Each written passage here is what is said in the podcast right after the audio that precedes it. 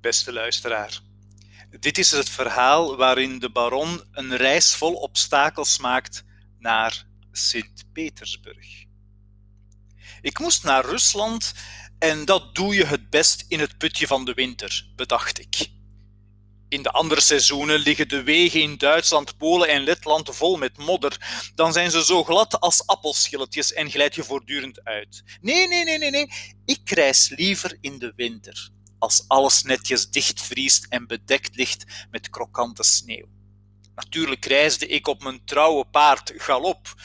Dat is duizend keer aangenamer dan een hobbelige koets vol dronken reizigers die voortdurend stinkende woorden in je gezicht spuwen.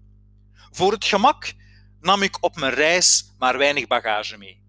Galop en ik reden zonder om te kijken mijn landgoed Bodenwerder buiten. Zoveel zin hadden we in de lange reis naar Rusland. En bij elke hoefslag van galop stoofde poedersneeuw op. Ik genoot met volle teugen. De wolken breidden zonder stoppen een dik deken van sneeuw. Het viel vanuit de hemel neer op de witte heuvels, en uit de mond van mijn paard en mij walmden ademwolken. Heerlijk. Het enige spijtige was dat ik geen dikkere winterkleren had aangetrokken. Hoe noordelijker we kwamen, hoe harder ik rilde in mijn dunne kledij. Ik vervloekte mijn verstand dat weer eens niet vooruit had gedacht klagen hielp niet. Integendeel, hoe meer ik mopperde, hoe krachtiger de noordenwind snerpte over de Poolse vlakte. Alsof het door het mopperen nog kouder werd. Ik gaf galop de sporen. Als we voor de nacht nog een dorp of een schuur wilden vinden, dan moest het snel gaan. We zagen niets dan sneeuw. Eindeloze kilometers lang.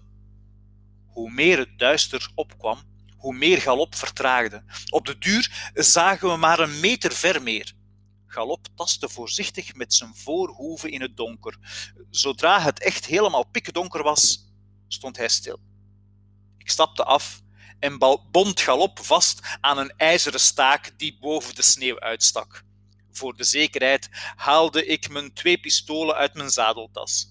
Ja, in Polen is een mensenleven maar evenveel waard als een kilo sneeuw. Zowel rovers als wilde dieren willen je vermoorden. En vaak nog gelijktijdig ook. Ik ging liggen op de bevroren grond en schraapte een dikke laag sneeuw over me heen als deken. Ik was zo moe dat ik heerlijk sliep. De zon stond al hoog aan de hemel toen ik wakker werd. Maar wat zag ik? Dat. Dat moest een droom zijn? Ik kneep in mijn arm en besefte dat ik wel degelijk wakker was. Maar hoe kon dit? De vorige avond was ik gaan slapen in een eindeloze sneeuwvlakte en nu, nu werd ik wakker midden op het kerkhof van een dorp. Ik wreef mijn ogen nog eens goed uit.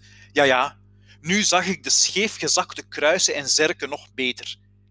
En waar was mijn paard gebleven?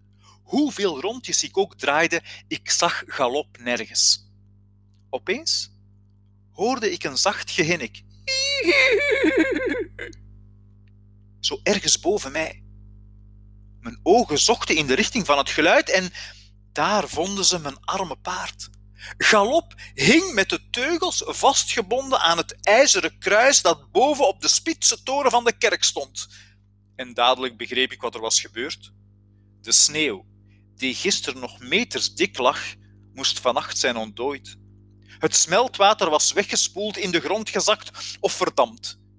Inderdaad, het was vandaag zo warm als een lentedag. Ik moest in mijn slaap ongemerkt meters gezakt zijn tot op de grond.